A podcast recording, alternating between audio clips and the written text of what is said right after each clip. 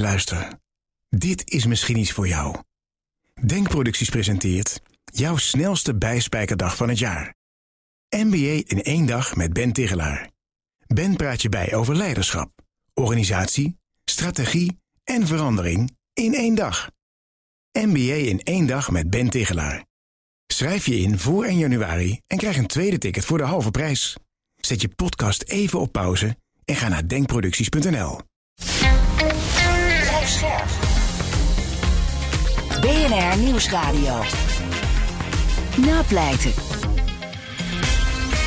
Wouter Laumans en Christian Vlokstra. Twee maanden voor zijn dood had zij een eh, levensverzekering afgesloten op zijn naam. Zij had de handtekening vervalst. En een dag voor het overlijden had ze een mail gestuurd naar de verzekeringsmaatschappij. Wij zijn verhuisd. Vervolgcorrespondentie kan naar het huidige adres worden gestuurd.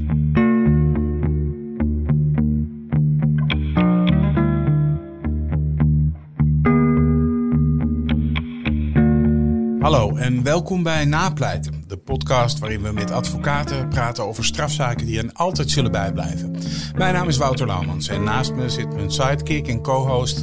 En dat is iemand die juridisch een stuk beter onderlegd is dan dat ik dat ben. Dat is strafpleiter Christian Volkstra. Welkom Christian. Dankjewel Wouter. Voorafgaand altijd eerst even de spelregels. Vaste luisteraars zullen ze inmiddels kennen. In deze podcast praten we over zaken die onherroepelijk zijn. Chris, waarom? Ja, we praten over onherroepelijke zaken. Hè. Dat zijn zaken waar geen procedures meer in lopen en uh, waarin eigenlijk de straf, dus vrijspraak, definitief is.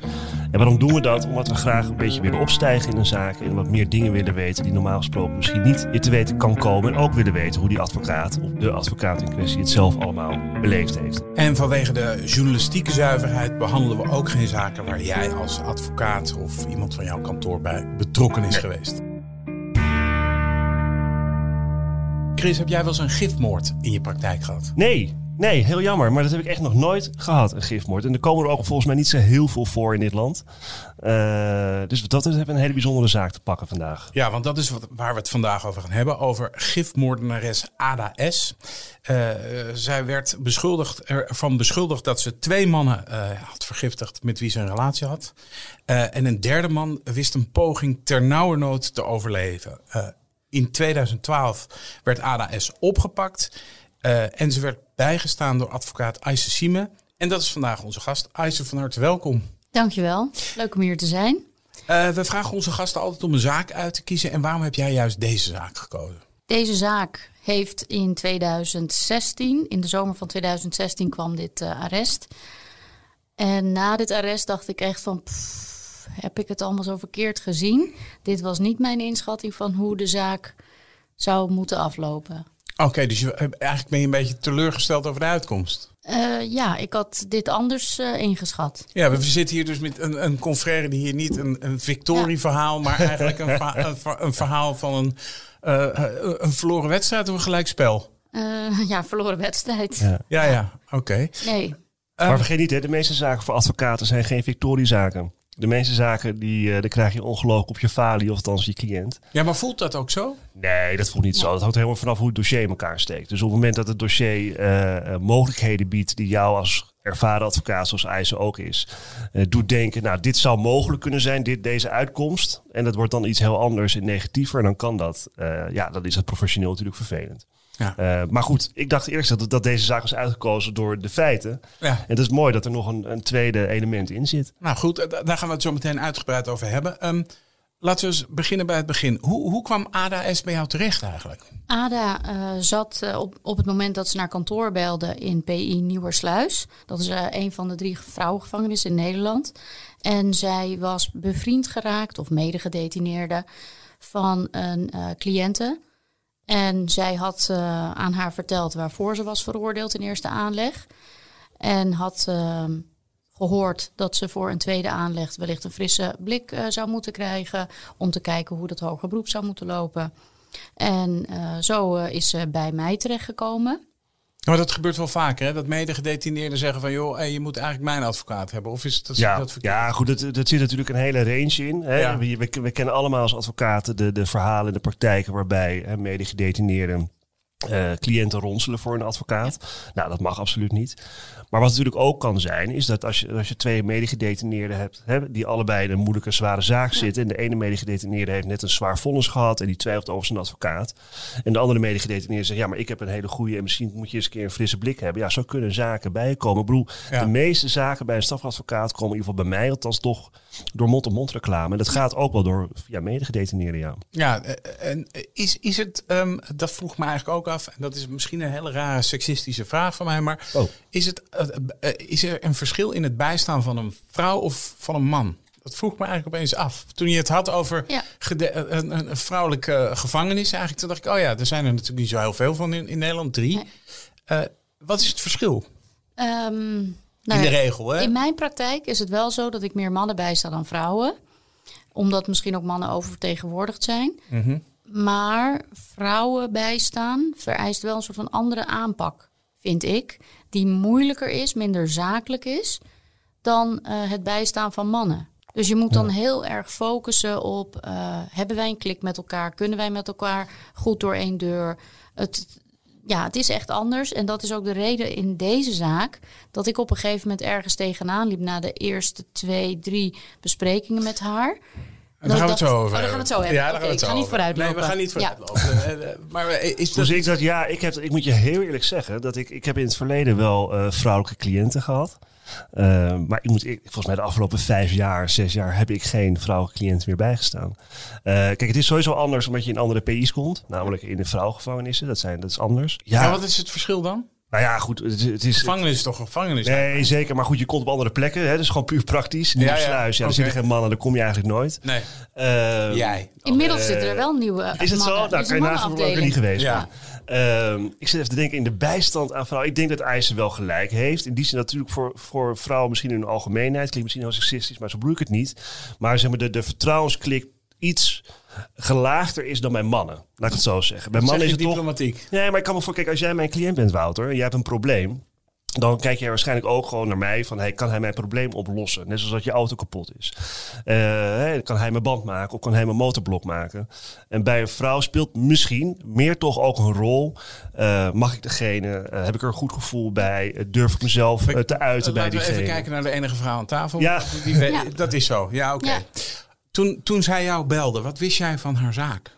Ik wist eigenlijk alleen maar wat er in het nieuws bekend werd gemaakt. Namelijk dat zij tot 16 jaar was veroordeeld door de rechtbank Leeuwarden. Ehm, en eh, dat eh, zij een van de weinige veroordeelden in Nederland is voor het, ja, het vermoorden door middel van eh, het toedienen van gif. Ja, het is, want dat, dat had ik, eh, toen ik me ging inlezen bij deze zaak, dacht ik van, een gifmoord, joh, dat, dat lees je in een Agatha Christie boek of, of in, een, in, een, in, een, in, een, ja, in zo'n Engelse detective serie zie je het nog wel eens voorbij komen, maar dat, dat gebeurt toch bijna nooit? Nee. dat Ja, of het gebeurt wel, maar als je het heel goed doet, komt het Ja, ook ja. achter. maar, nee, maar, ja, Dat maar, zou da- heel goed ja, maar, da- maar daarmee was deze zaak dus ook gewoon gelijk een high profile. Daardoor denk ik was dat een high profile zaak gelijk. Of Nou, in hoger beroep eh, neemt eh, dat gedeelte wel vaak wat af. Hè? High profile is vaak wel wanneer mensen echt worden opgepakt. En dan komt het de hele tijd in de pers. En dan is er een veroordeling. Dan is er toch wel minder aandacht vanuit de media voor die zaak. En op zich, dat vind ik helemaal niet erg. Eh, om gewoon in de, in de luwte te opereren zonder aanwezigheid van heel veel pers, et cetera. Maar kennen jij die zaak al? Nee, ja, alleen het vonnis. Alleen het vonnis, maar je had van het niet- instructiegroepje, Ja. denk ik. Dat, we- dat we dat een keer hebben besproken. Ja. Van nou, dit is de zaak. Ja. En dan belt zo'n dame. En dan denk je, nou, ik ga even de, het ECLI-nummer opzoeken. En dan print je het. En dan denk je, nou, hiermee ga ik me eens een keer bezighouden. Ik ga met het vonnis op zak. Ga ik eh, haar bezoeken en kijken of het überhaupt klikt. En wat zei zij toen eh, bij die eerste, dat eerste bezoek? Hoe ging dat? Nou, eh, dat was in Nieuwersluis. En eh, voor me is dan op dat moment een 50-plusser. In ieder geval begin 50, net 50. Een Hollandse dame. Ze hield ontzettend veel van schaatsen. Ze had ook een soort van schaatslegging aan. En een soort van eh, sportief truitje. Zag er ehm, nou een beetje slonzig uit, om er zo even te zien.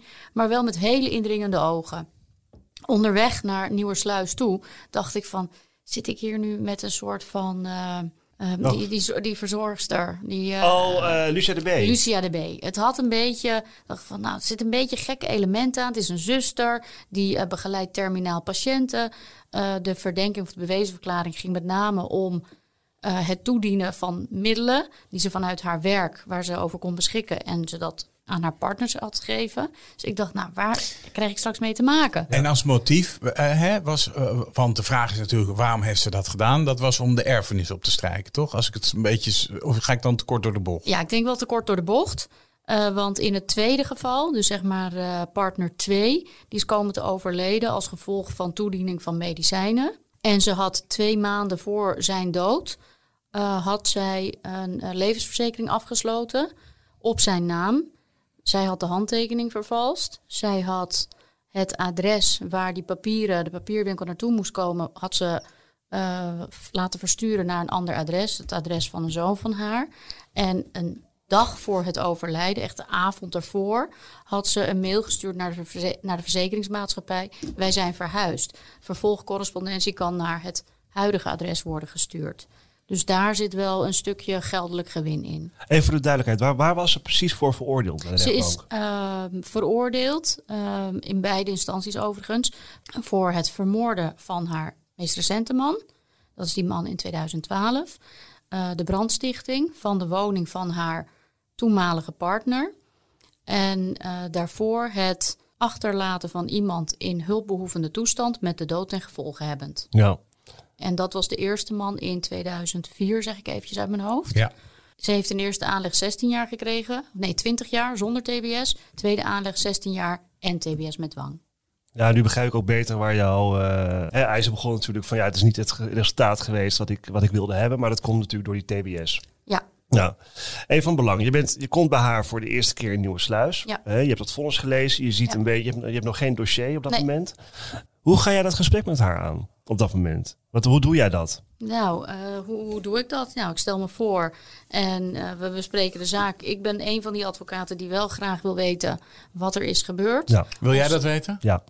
Oké, want je hebt advocaten die willen dat niet weten. Ja. Nee, advocaten, sommige advocaten die zeggen gewoon: ik bestudeer het dossier. Op basis van de bevindingen in het dossier zeg ik je wat je kansen zijn. Heel strak, clean. Ik ben dat niet. Ik wil gewoon graag weten. Heb je het gedaan? Nou, niet per se. Ja, eigenlijk wel. Eigenlijk wil ik weten van wat klopt er wel van, wat klopt er niet van eigenlijk. Om zo een beetje tactische beslissingen beter te kunnen nemen. In eerste aanleg, dus bij de rechtbank speelt dat een grotere rol overigens dan in tweede aanleg. Maar de nieuwsgierigheid, mijn zakelijke nieuwsgierigheid, is daar wel altijd. En ik, de eerste eh, bespreking is altijd gewoon een kennismaking. Even zorgen dat beide eh, op ons gemak zijn. Om te kijken of we gewoon een, eh, een vruchtbare samenwerking tot stand kunnen brengen. En ehm, nou, ik, ik- had wel gewoon een goed gevoel daarover. Ehm, Maar zij ontkent de, de, de feiten. hè? ja, kijk, het probleem was waar ik tegenaan liep bij de eerste paar besprekingen. Dat kwam door wat er in dat vonnis stond. Ze is een pathologisch leugenaar. Oeh. Ja, dus eh, dan ga je een paar dingen vragen. En dan even toch een beetje onbedoeld testen op zit ze nou te liegen tegen mij? Is het nou de aard? Hoe, hoe werkt dat? Dus dat maakte wel dat ik dacht van eh, je moet oppassen met haar. Dat lijkt me heel ingewikkeld als advocaat. Want je hebt, jij wil die vertrouwensrelatie. Ja. Jij wil eigenlijk van, joh, zeg mij gewoon wat er gebeurd is. Dan kan ik jou de beste verdediging. Voor, hoe lijkt jou dat? Als, iemand, als je erachter komt uit de vonnis, iemand... Ik wil gewoon weten hoe het is gegaan. Maar diegene is een pathologische leugenaar. Ja. Dat lijkt me buitengewoon ingewikkeld. Het is buitengewoon ingewikkeld. Alleen, als ik naar mezelf kijk, ik ben in de loop der jaren daar wel gemakkelijker in geworden. Doordat ik het gewoon heel erg bij hun neerleg. Ja. Bij de cliënt neerleg. Dus ik zeg, kijk, je hebt twee. Kijk, ik vind niet erg als je tegen mij liegt. Ik word er niet boos over. Nee. Dat moet je zelf weten. Alleen ik leg ze uit dat het heel handig is om tegen mij de waarheid te vertellen. Omdat ik dan op alle vlakken de best mogelijke verdediging kan voeren. Op het moment dat mensen dingen tegen mij zeggen waar ik dan misschien zelf al een beetje twijfels bij heb. Leg ze ook uit, oké, als dit klopt, dan ga ik dit en dit en dat doen. Hè, deze onderzoekswensen, dit DNA of wat dan ook, hè, onderzoek doen. Maar als blijkt dat het niet klopt, dan ben je nog verder van weg van huis dan Ja, dat je nu bent. Dus zeg het maar. En als mensen dan blijven volhouden, dan is het of de waarheid of ze blijven volhouden met liegen. Prima, maar dat is dan jouw verantwoordelijkheid. Ik leg ze uit waarom ik wil weten hoe het zit. En sta dan is het aan hun om daar op te acteren. En heb jij dat ook eh, eh, tegen ADS gezegd? Ja, zeker. En eh, in deze zaak speelde eh, een hele grote rol dat de doodsoorzaak van beide gevallen eh, niet bekend was. Dus juridisch gezien moet je eigenlijk om te komen tot moord, doodslag en ook deze andere feiten met dodelijk gevolg, moet je komen tot het vaststellen van dodelijke oorzaak. Nou, man 1 was al jaren geleden, tien jaar voordat hij werd geëxhumeerd, dus het, het lijk werd opgegraven, uh, was hij al uh, begraven geraakt. Dus je kon daar heel weinig nog meer uit vaststellen. Wat was het idee van het Openbaar Ministerie en de politie dat zij hem eigenlijk zelf in hulpbehoevende toestand had gebracht? Door hem bepaalde ja. middelen toe te dienen. Ja, ja. klopt. Zij was als verpleegster, uh, had zij, zij was als verpleegster uh, gewend met, om te werken met bepaalde medicijnen. Zij zou hem dan hebben, medicijnen hebben toegediend. En in een weekend komt hij te overlijden. En ze had al in dat weekend, voor, voorafgaand aan het overlijden, haar kinderen, vier zonen, naar de jongerenkring van de kerk gestuurd. Dat was een soort van uitgaansavondje daar in Franeker. En had, ze had gevraagd aan haar kinderen om de groep te laten bidden voor hun vader. Want mogelijk kwam die te, te overlijden. Ja. Ja, en dus waren er allemaal tekenen van in dat weekend waarop zij haar kinderen en derden van de, de geloofsgemeenschap voorbereiden op een mogelijke dood. Want zij was heel gelovig, begrijp ik. Ze waren allemaal supergelovig. Oké. Okay. Ja. En gaf dat nog een extra dimensie? Um, nou ja, dat, dat zie je ook wel in die zaken. Dat haar motief naast uh, geldelijk gewin ook zou kunnen uh, liggen in het beëindigen van relaties. En omdat ze in zo'n strikte uh, geloofsgemeenschap verkeerde, was scheiden geen optie. Zo. Ja. ja. Daar zit toch wel een heel stuw meer aan motieven dan uh, mo uh, po potentiële motieven ja, dan achter. goed, jij praat natuurlijk nu vanuit het dossier, hè, vanuit het arrest. Maar uh, in de relatie tussen jou en haar, zij ontkende de feiten tegen jou. Ja. dat heeft ze altijd gedaan, neem ik aan. Ja. hoe was jullie relatie daar? Hoe, hoe, was jullie werkrelatie, om het zo maar te zeggen? Ja, wel goed. Um, ik heb haar wel voorgehouden van... waarom heb je nooit een crematie overwogen? Ook gewoon heel zakelijk gezien heb ik wel eens gezegd van ja, als, als beide lichamen waren gecremeerd in plaats van begraven, had je al deze hijsa niet gehad. Ja. Ja, ja het klinkt misschien heel ja, nee, nee, nee, zeggen. Snap het, ja. ja en wat zei ze daarop? Ja, ja, ja. Had ik wel kunnen doen. Ja. Ik heb het niet gedaan. Wat, wat, wat, wat was jouw inzet in hoger beroep met haar? Uh, de inzet uh, was om uh, eigenlijk op, om de doodsoorzaak naar voren te krijgen. Uh, en om tot de vaststelling te komen, je kunt gewoon niet meer met zekerheid vaststellen wat de doodsoorzaak is geweest. Laat staan dat je kunt vaststellen dat, dat zij, zij daar, een, rol in heeft daar gehad. een actieve rol in heeft gehad. Ja. Dat was de strategie. Ja, klopt. En je zei aan het begin van de, van de uitzending, zei ja, er was nog iets geks met haar. Uh, toen, ik, toen ik haar als cliënt kreeg, of de tweede of derde keer je refereerde. Ja. Nee, uh, nou, dus uh, de, de, gesprekken komen tot stand. En ik dacht, vanuit het dossier, vonnis en wat beperkte stukken. Uh, en haar geloofsachtergrond dacht ik wel van, uh, nou laten we eens even kijken of het niet handiger is hoe zij, om te achterhalen hoe zij zich opstelt ten opzichte van mannen. Zij werd in haar geloofsgemeenschap neergezet als een hele gevaarlijke vrouw. Oh ja, wat dan? Ja, en dat is uh, de voorganger, zeg maar God op aarde binnen die congregatie. Zij was voorganger? Nee, nee, nee. Oh. nee de voorganger die zei dat over haar. Ja, ja. Van Ada, dan moet je uit de buurt blijven, want dat is een hele gevaarlijke vrouw. Nou, als je dat leest in die getuigverklaringen, denk je van... Hmm, maar dat werd wat, ook in de kerkgemeenschap gezegd? Uh, tegen andere kerkgangers. Oké. Okay. Maar dat kwam er eigenlijk op neer dat ze een hele verleidelijke vrouw was. En dat de mannen vooral moesten oppassen. Oh, dat bedoelde die eigenlijk in die, in die zin. Dus niet gevaarlijk in de ja. zin van gifmengster, maar gevaarlijk in de zin van pas op je mannen, want uh, ze gaat ermee aan de haal. Oké. Okay. Ze is te verleidelijk. Ja. Nou, en zo, had jij dat toen jij haar zag voor het eerst, dacht je van daar zit een, een mannenverslindster? Nee, totaal niet. Nee. Dat beeld had ik helemaal niet. Dus ik dacht, weet je wat, ik ga tegen Ada zeggen, Ada, uh, we volgende keer komen met z'n tweeën. Oh, wie komt er dan mee? Een collega van mij. Wie is dat dan? Nou, goed, dus ik heb verteld, Marcel Nuiten. Ja, oh ja, een mannelijke advocaat. Ja, die komt mee. Nou, goed gezegd, we komen volgende week. En tot mijn grote verbazing, hij was er eerder dan dat ik was... Uh, in Nieuwersluis. Dus zij zit al in dat hokje. Ze had zich helemaal opgemaakt. Ze had zich helemaal opgetut. Uh, oh jee. Ja, nee, uh, ze viel. Toen had je nog geen, geen coronaglazen en zoiets. Dus het was gewoon heel dicht op hem. Bijna zo over de tafel heen hangend. Oh. Helemaal gefocust op wat hij allemaal vertelde. Ik dacht, oké, okay, nou dit is wel goede dynamiek om te zien. Misschien komen we dan zo wel een steek verder. Want je kwam elkaar. niks verder. Nou ja, kijk, ik had gewoon het probleem.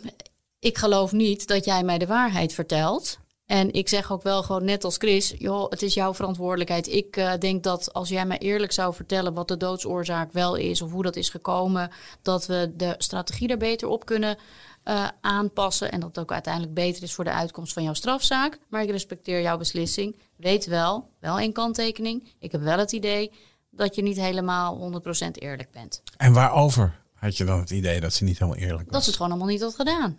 Jij dacht dat ze het wel gedaan had? Ja, om heel eerlijk te zijn, wel. Dat lijkt me toch ook wel raar. Ja. Of heb jij dat ook wel eens gehad? Ja, nee. Of zitten we nu gewoon heel op moeilijk terrein nee, nee, nee, nee, helemaal niet. Nee, goed, ik heb regelmatig gehad dat mijn cliënt ontkent dat ik denk, ja, je lult je nek man, je bent guilty as hell.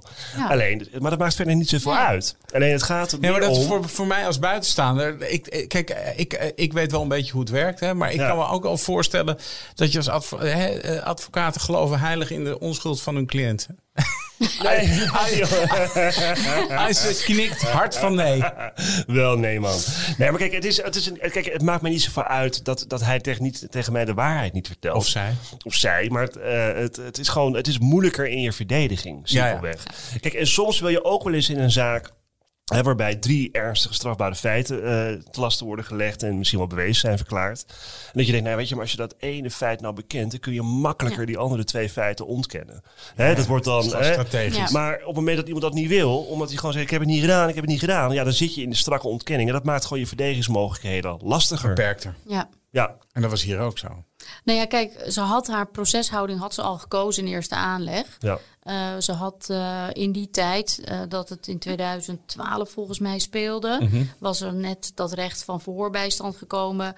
Maar haar toenmalige advocaat, die, die was er gewoon heel vaak niet met verhoren. En zo'n verhoor wordt altijd heel psychologisch ingestoken in dit soort zaken. En ik denk dat, die, dat het TGO, het team dat dat doet, wel door had dat er wat speelde. En dat die pseudologica fantastica trekken er wel in zaten. Want ze is heel vaak gehoord en geconfronteerd op het laatste moment met een eerdere onwaarheid. En dan ging ze weer draaien, draaien, draaien, draaien, draaien. Pseudologica fantastica, dat is dus... De pathologische leugenaar. Ja. Ja, oké. Okay, dus oké. Okay. Ja. En, en, dat zag je dus terug in die verhoren. In, ja. dat, in dat opzicht had dus het team van de politie uh, zijn werk goed, zijn huiswerk goed gedaan. Ja, want haar geloofwaardigheid, dus haar, haar ontkenning door twee hele procedures heen was eigenlijk shot to shit. Omdat je dus weet, ja, je bent een, een uh, pathologische leugenaar en je ontkent. Dus ja, daar zat misschien al het bewijs al in, voor het ja. tegendeel. Maar merk je dat ook op zitting? Dat je dat, want je hebt wel eens op zitting ja. dat je klant aan het, je cliënt is aan het verklaren. En je merkt gewoon die rechters, ze geloven er helemaal niks van. Ja. Uh, sterker nog, ze raken geïrriteerd hiervan. Ik had uh, bij het Hof uh, een uh, hele pittige combinatie. Ik ga de namen niet noemen, maar Dan gaat het je hier kent zo ze wel. vaak over, over de combinatie. Ja, nee, oké. Okay. Het ja. staat in het arrest hoor, Ja. wie, de, Nee, nee, goed, wie, de- wie de raadsheren zijn geweest. Maar met name een, de oudste raadsheer, die was heel pittig naar haar toe. Ook een vrouw, ongeveer dezelfde leeftijd. Een paar complimentjes uitdelen aan Ada. Oh, u heeft mooie nageltjes vandaag. Oh, eh, had u de tijd om dat te lakken? Maar ook strikvragen stellen. Het ging dan ergens een keer om bloed ergens uitwassen. En was u dat bloed er dan uit met warm water of met koud water? Ik had geen idee. Ik heb nog nooit, uh, nog nooit gedaan. Nooit En gewassen. nog nee, de wasmachine doet dat dat. maar kennelijk was een strikvraag. Dus Ada die zegt ook, nou, dit is volgens mij een strikvraag. Want u weet donders goed, net als ik, dat je bloed er alleen maar uitkrijgt met koud water. Dacht, nou oké, ik heb dat geleerd weer. Hupsakee. Dus het werd best wel pittig en venijnig. eh, tussen die, die twee eh, dames, dus de raadsheer en eh, cliënten op dat eh, punt. En ik vond wel echt doorklinken dat ze er. Dat ze, ze waren gewoon overtuigd van haar schuld. En het ging mij er ook om. Is het bewijs er Is ja of nee? de bewijs er ja of nee? Maar daar wil ik iets over vragen. Hè? Want je, Ja. je vertelde al eerder van, nou ja, mijn verdediging was er door haar kale ontkenning eigenlijk ook hè, eh, eh, meer op gericht van, hey, kan de doodsoorzaak Ja. worden vastgesteld? Klopt. Wat was daar een springend punt in voor jou? Nou ja, kijk, eh, het- het Openbaar Ministerie vervolgde eerst voor het, eh, het, het meest recente feit, het overlijden van man 2, noem ik maar eventjes. En de, ze is ook pas later als verdachte in beeld gekomen, omdat Voor die de familie. feiten. Ja, ook nog veel later, maar pas later in de tijd eh, is ze als verdachte in beeld gekomen, omdat de familie van eh, man 2 ehm, ja, vraagtekens had bij hoe ze reageerde. Uh, te kil, te koud, te zus, te zo. Ah, ja. En uh, die familie die bleef maar naar de politie gaan. Van hier is iets niet in de haak, hier is iets niet in de haak. Maar hij had een negatieve wilsverklaring. Komt ook uh, nog terug in het arrest. Had hij, Wat is dat voor de voor een de negatieve leken? wilsverklaring is dat wanneer je komt te overlijden... dat je daarin zegt, ik wil geen obductie. Ja, ja. Ja, dus... uh, Opgegraven worden. Opgegraven worden of uh, nog eerder, voordat je wordt begraven, dat er geen onderzoek aan jouw ja. uh, lichaam stoffelijk... Ja, ja, dat is vaak een religieus ingegeven ding, toch? Klopt, maar hij had die niet ondertekend. En achteraf blijkt dat zij op haar computertje twee dagen van tevoren dat heeft gegoogeld en dat zij dat mogelijk heeft uh, geprint, want hij was ook niet ondertekend. Nou, die, die familie is dus heel aanhoudend geweest richting de officier van justitie. Dan ontstaat er uh, toch een reden om uh, het lichaam op te graven. Dan wordt er uit het leverweefsel een, uh, een stukje celmateriaal gehaald. En dan wordt het onderzocht op aanwezigheid van medicijnen. Ja.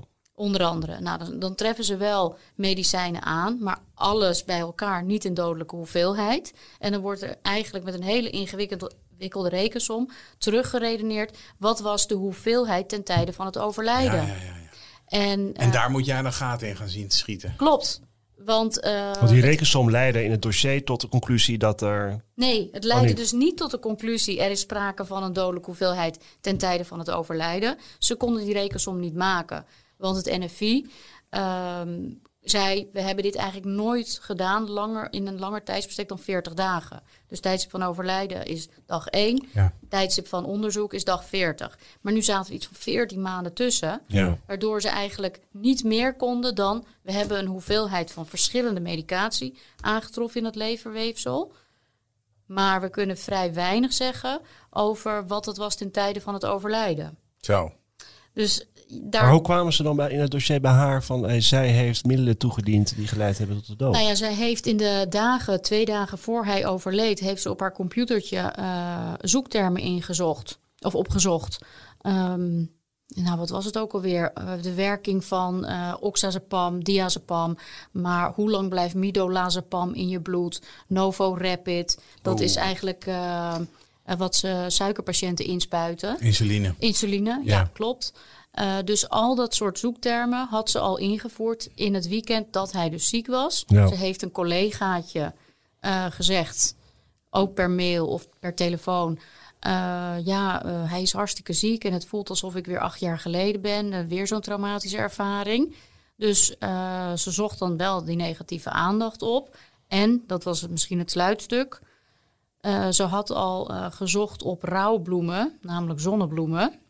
Voordat de, de rouw begonnen was, zeg maar. Voordat Oeh. iemand was overleden. Dat moet je nooit doen. Nee. Later, nooit doen. En in combinatie dus met die valselijk afgesloten levensverzekering. Ja, dat denk ik ook ja, wel. dat was gewoon dus... Voor de overtuiging ben je er. Ja. ja. Zeker. Is deze zaak uiteindelijk ook gegaan op de overtuiging, denk je? Ja, als je het arrest leest van het Hof, dan, uh, dan zeggen ze ja, de, we kunnen niet een, nee, de doodsoorzaak moet zeg maar, de toediening van medicijnen zijn. En dat is buiten redelijke twijfel. Uh, door haar gebeurd. Door haar gebeurd, ja. ja maar ze ja. draait eigenlijk om. Normaal ja. zie je eigenlijk in strafzaken met de dodelijke afloop... dit is de doodsoor doodsoorzaak. En dan ga je kijken wie heeft dat kunnen doen. Ja. Ja. En was, was toen dat vonnis werd uitgesproken... wat was toen in die, al die... want dat, dat is een, daar is natuurlijk een geruime tijd overheen gegaan. Hoe was jouw band met haar? In al die tijd. Ja, maar het vonnis was natuurlijk een, een, een sorry, rechtbank. Nee, sorry, het arrest. Ik moet zeggen het arrest. Maar misschien voordat we bij die vraag komen, even ja. iets, uh, uh, hè, want we hebben het over de, de, de, de, de, de feiten zelf en is zij verantwoordelijk hè, voor ja. het toedienen van die medicijnen. Maar daarnaast, ken ik, speelde er al nog een, een, een mogelijke TBS-maatregel. Ja. Hoe zat dat? Wat, wat, was, wat, was het, uh, wat was de insteek van het OM daar dan in? Het OM is in hoger beroep gekomen omdat ja. uh, zij in eerste aanleg ook TBS wilden, 16 jaar een TBS. Ja. Dat hebben ze niet gekregen van de rechtbank. De rechtbank heeft afgezien van uh, oplegging van de TBS-maatregel. Zij is onderzocht, ze heeft ook meegewerkt. In de eerste aanleg of in, in, eerste hoger aanleg. beroep ook? Eerste, nee, aanleg. eerste aanleg. Ja. ja. Zij heeft ook gewoon meegewerkt, uh, ook uh, in het Pieterbaancentrum. En daar kwam wel naar voren dat uh, zij dus die pathologische leugenaar is. Dat klinkt zo lelijk, maar het ja. heet, het heet klinisch iets anders. Nee, maar het is, vastgesteld, het is natuurlijk ja. gewoon vastgesteld door het ja. PVC, Pieterbaancentrum. Ja. Alleen zij konden vanwege het tijdsverloop van twee levensdelicten, dus man 1 in 2004 overleden, man 2 in 2012. Zij konden eigenlijk geen uitspraken doen over de doorwerking van die stoornis, die stoornis ja. in de feiten. En uh, ze schrijven ook ergens op van ja, de gesprekken met haar verwarren ons. Ja. En uh, ze liegt om zeg maar pathologisch te kunnen overleven. Het is een soort van zelfbeschermingsmechanisme. En die leugens die gaan heel ver. Ja, uh, ja super. Kun je voor, voorbeeld geven? Zeker. ze had na het overlijden van man 1... Um, had ze um, tegen haar kinderen uh, gezegd... Ze, ze, had vier zonen met uh, man 1 had ze tegen haar kinderen gezegd: Mama heeft borstkanker en heeft daarvoor behandeling nodig in België. Maar wat blijkt dan achteraf? Ze had helemaal geen borstkanker. Ze had een borstvergroting. ja. ja, dat zijn uh, vreemde, dat zijn, dat zijn vreemde leugens. Ja, ja. dat zijn twee en dingen. Dat zijn verschillende dingen. Dan, dan loog ze gewoon over de nabehandeling, et cetera. De drains die in je borsten zitten kennelijk. Um, en dan zei ze gewoon van ja, ik heb een, uh, een afspraak bij de arts in België. En dat, dat is voor mama's gezondheid. Jezus. Dus dan denk je je kinderen, mama heeft borstkanker. En dan weet je dus wel dat je een borstvergroting hebt gedaan en daarvoor nog enige nazorg nodig hebt. Dus dat gaat heel ver. Ja. En als ik dan wel eens naar vroeg, Ada, maar snap je dat uh, dat heel vervelend kan overkomen voor je kinderen die denken dat je mogelijk dood kan gaan en dan dan verzwijg je zoiets. Ja. Kun je dat voor jezelf nu na al die jaren plaatsen? Nee. Nee. Nee. Oh, maar- dus het is echt, dit is dus echt iemand die dan dus ziek is. Ja, nee, kijk, ze, ze schaamt zich. Ja. Ja. ze schaamt zich denk ik voor het feit dat ze, de, dat ze zo ijdel is. En daar speelt denk ik die st- sterke of strenge geloofsgemeenschap weer een rol. Dat ze zo ijdel is dat ze grotere of mooiere borsten wil hebben. Ze moet blij zijn met datgene wat God haar heeft gegeven. Mhm. Eventjes eh, plat gezegd. Ja. En eh, dan heeft ze de middelen, dan heeft ze de mogelijkheid, dan wil ze er gebruik van maken. Alleen vindt ze dat moeilijk om dat te verkopen. Aan de geloofsgemeenschap. En haar de- kinderen. En de kinderen. Want ze, voedt die kinderen, ze heeft die kinderen met haar partner ook gewoon religieus opgevoed. Had jij, stond, ik weet, dat is misschien een hele gekke vraag, maar stond jij in contact met eh, haar familie? Nee, ik heb ze eh, pas bij de zitting in hoger beroep eh, gezien. Daar kwamen ze als nabestaanden van man 2. Ja. Er was heel lang eh, contact geweest. Eh, Met, met twee, jou of nee, met niet Ada? met mij, met Ada. Ja. Eh, twee of drie van haar kinderen die geloofden heel lang in haar onschuld. Ja. Maar op enig moment is dat wel gekanteld. ja, we hebben het hier in andere afleveringen hebben we het hier ook wel eens gehad. Eigenlijk dat, dat bij partners, dat, we hebben een zaak gehad hier waar vader een moeder heeft omgebracht. Ja. En hier is dat dus eh, andersom. Dat is natuurlijk een leed voor, die, voor kinderen. Ja. Dat bijna niet, het is, dat is niet te bevatten, lijkt mij. Ja, Ja, dat is, dit- ik weet niet of je daar als advocaat of je dat in je achterhoofd hebt. Of dat je denkt, ja, maar dat, dat, dat is niet de zaak. Ja, het, maakt het, bijzo- het, maakt het, het, kan, het, het kan een zaak een bijzonder element geven, afhankelijk ook van de rol die de kinderen spelen. Kijk, als de kinderen eh, achter jouw cliënt staan, eh, wat Ja. hij ook niet of wel gedaan heeft, Ja. dan, is, dan is dat weer anders dan als de, kinderen of de, of, hè, of de familie tegen je cliënt Ja. staan, ook in zo'n zittingszaal. Ja, Ja. dat, maakt een, dat geeft een andere dynamiek. En waar, wa- wat ik me nog afvroeg, en dat is, dan, gaan we verder met, de, met de, de, de, het, eh, de, de behandeling van de zaak, zeg maar. Waren dat, eh, heeft zij het ook gehad over de relaties die ze had? Waar, hoe schreef zij dat als goede relaties? Eh, ja dat, dat is aan de orde gekomen in het Pieter Baan rapport. Dus zeg maar eh, voor de TBS. Om, daar krijg je een soort van achtergrondgesprek. Ja. En beide relaties, die begonnen goed. Maar eh, verkeerden wel in wat zwaarder weer. Zoals dat gaat in relaties. Ja, klopt. En eh, volgens mij was het zo met man 1 eh, dat ze al een tijdje uit elkaar waren en dat hij al ergens anders verbleef. Ja, ja. En ik kwam hij een keer in een vakantie eh, thuis klussen. Er moest nog wat eh, in, eh, in de ouderlijke woning aan klussen worden gedaan. Dat Ja. kwam hij dan doen. Ja, En aan het einde van die twee weken is hij komen te overlijden. ah, ja. En haar is ook gevraagd of het beëindigen van een relatie een optie was. Nee, scheiden is geen optie. ja. Dus dat speelt natuurlijk ook wel een rol. En dan zou je denken, nou, als je dan een partner bent verloren, hoe dan ook, misschien ga je bij een volgende partner wat minder op het, uh, op het religieuze zitten. Kies je niet vrijere Ja. van atheïstische, Ja. toch? Maar dat Eh, was ook geen uit. optie. Nee, want de Ja. man 2 heeft ze leren kennen via een of andere, ja, ik noemde het toen altijd een soort van eh, eh, christelijke Tinder. Ja, ja. Eh, ik weet niet meer, iets met cross signs of zoiets. Ik heb echt geen idee meer.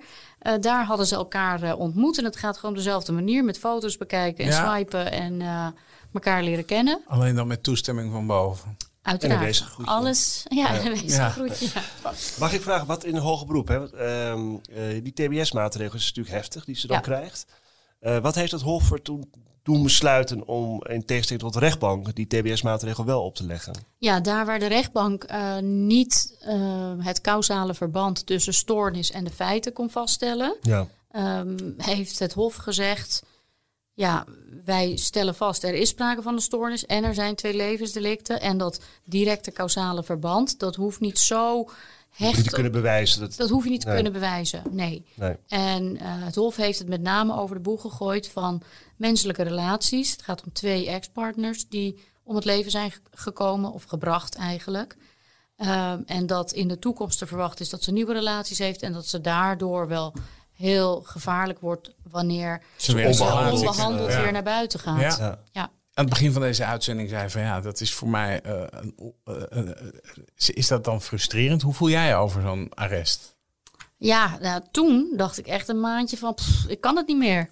Echt waar? Ja, en, toen was ik al blij met een paar vrijspraken op de, bij de politierechter. Gewoon Kwam dat met name door de, door de TBS-maatregel of door, de veroordeelde bewijsverklaring? Nou ja, al? ik ging ervan uit dat de TBS-maatregel, ik ging ervan uit, ja, kijk, gaat niet komen. die gaat niet komen, want je kunt het niet vaststellen. En ik vergeleek het ook altijd, wat nou als je een kleptomaan een keer iemand eh, als een kleptomaan zijn vrouw vermoordt, Ja, of twee vrouwen vermoordt. ja. En de stoornis is de kleptomanie. Ja. Waarom zou hij dan daarvoor behandeld moeten worden in plaats van gewoon straf te horen krijgen voor het vermoorden van die twee vrouwen? Ja, ja. Dus ehm, dat, ik dacht eigenlijk, nou, dat gaan ze niet doen.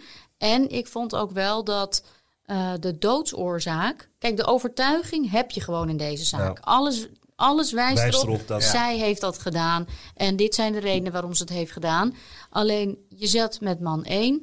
eh, met name over eh, dat weekend. Je weet gewoon feitelijk helemaal niks. Behalve dat hij aan het einde van het weekend is overleden.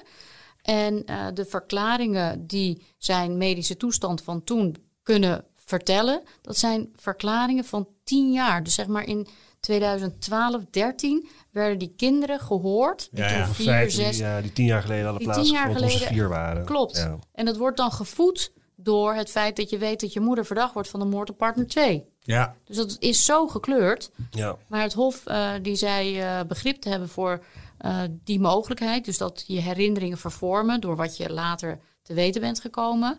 Maar dat het op onderdelen wel gelijkluidend is. Namelijk, papa was heel ziek in dat weekend. Mama die hield hem thuis. En aan het einde van de rit is hij komen te overlijden. Ik Hoe reageerden zij hierop? Want kijk, ik kan me voorstellen, bij de rechtbank heeft ze, had ze 16 jaar gekregen of, Ja, nee, 20 jaar. of 20 jaar. Nou, dat was toen de tijd een beetje, nou dan moet ik Ja. eh, 12, 13 jaar zitten en dan eh, gaat het leven Klopt. verder. Maar ja, als je een TBS-maatregel ja dat krijgt, is oneindig. eh, in nou ja, je, je, je weet van tevoren niet wanneer die eindigt, laat ik het zo zeggen. Nou ja, dat is dan misschien wel het voordeel van eh, gelovig zijn. Dan eh, schik je je daar wel naar, moet ik heel... eh, Oh ja. Ja, dat, zij, zij zegt ook gewoon van ja, we hebben alles gedaan wat we konden doen. En, eh, En hij beslist. Ja, dit moet zo zijn. En zelf had ze ook nog zoiets van ja, met die TBS-maatregel, ik heb er helemaal geen probleem mee. Daar had ze eigenlijk wel een heel goed gevoel bij.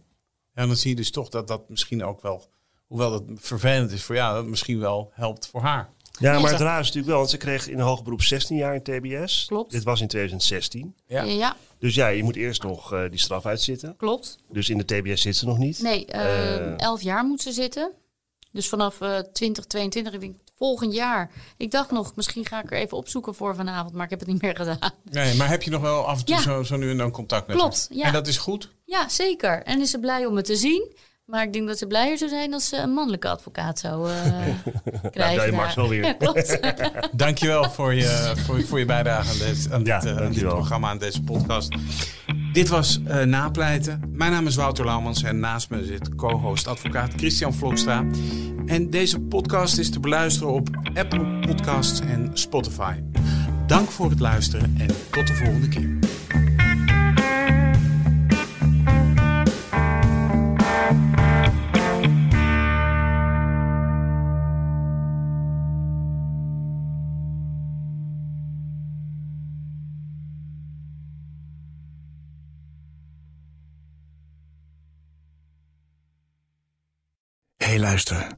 Dit is misschien iets voor jou.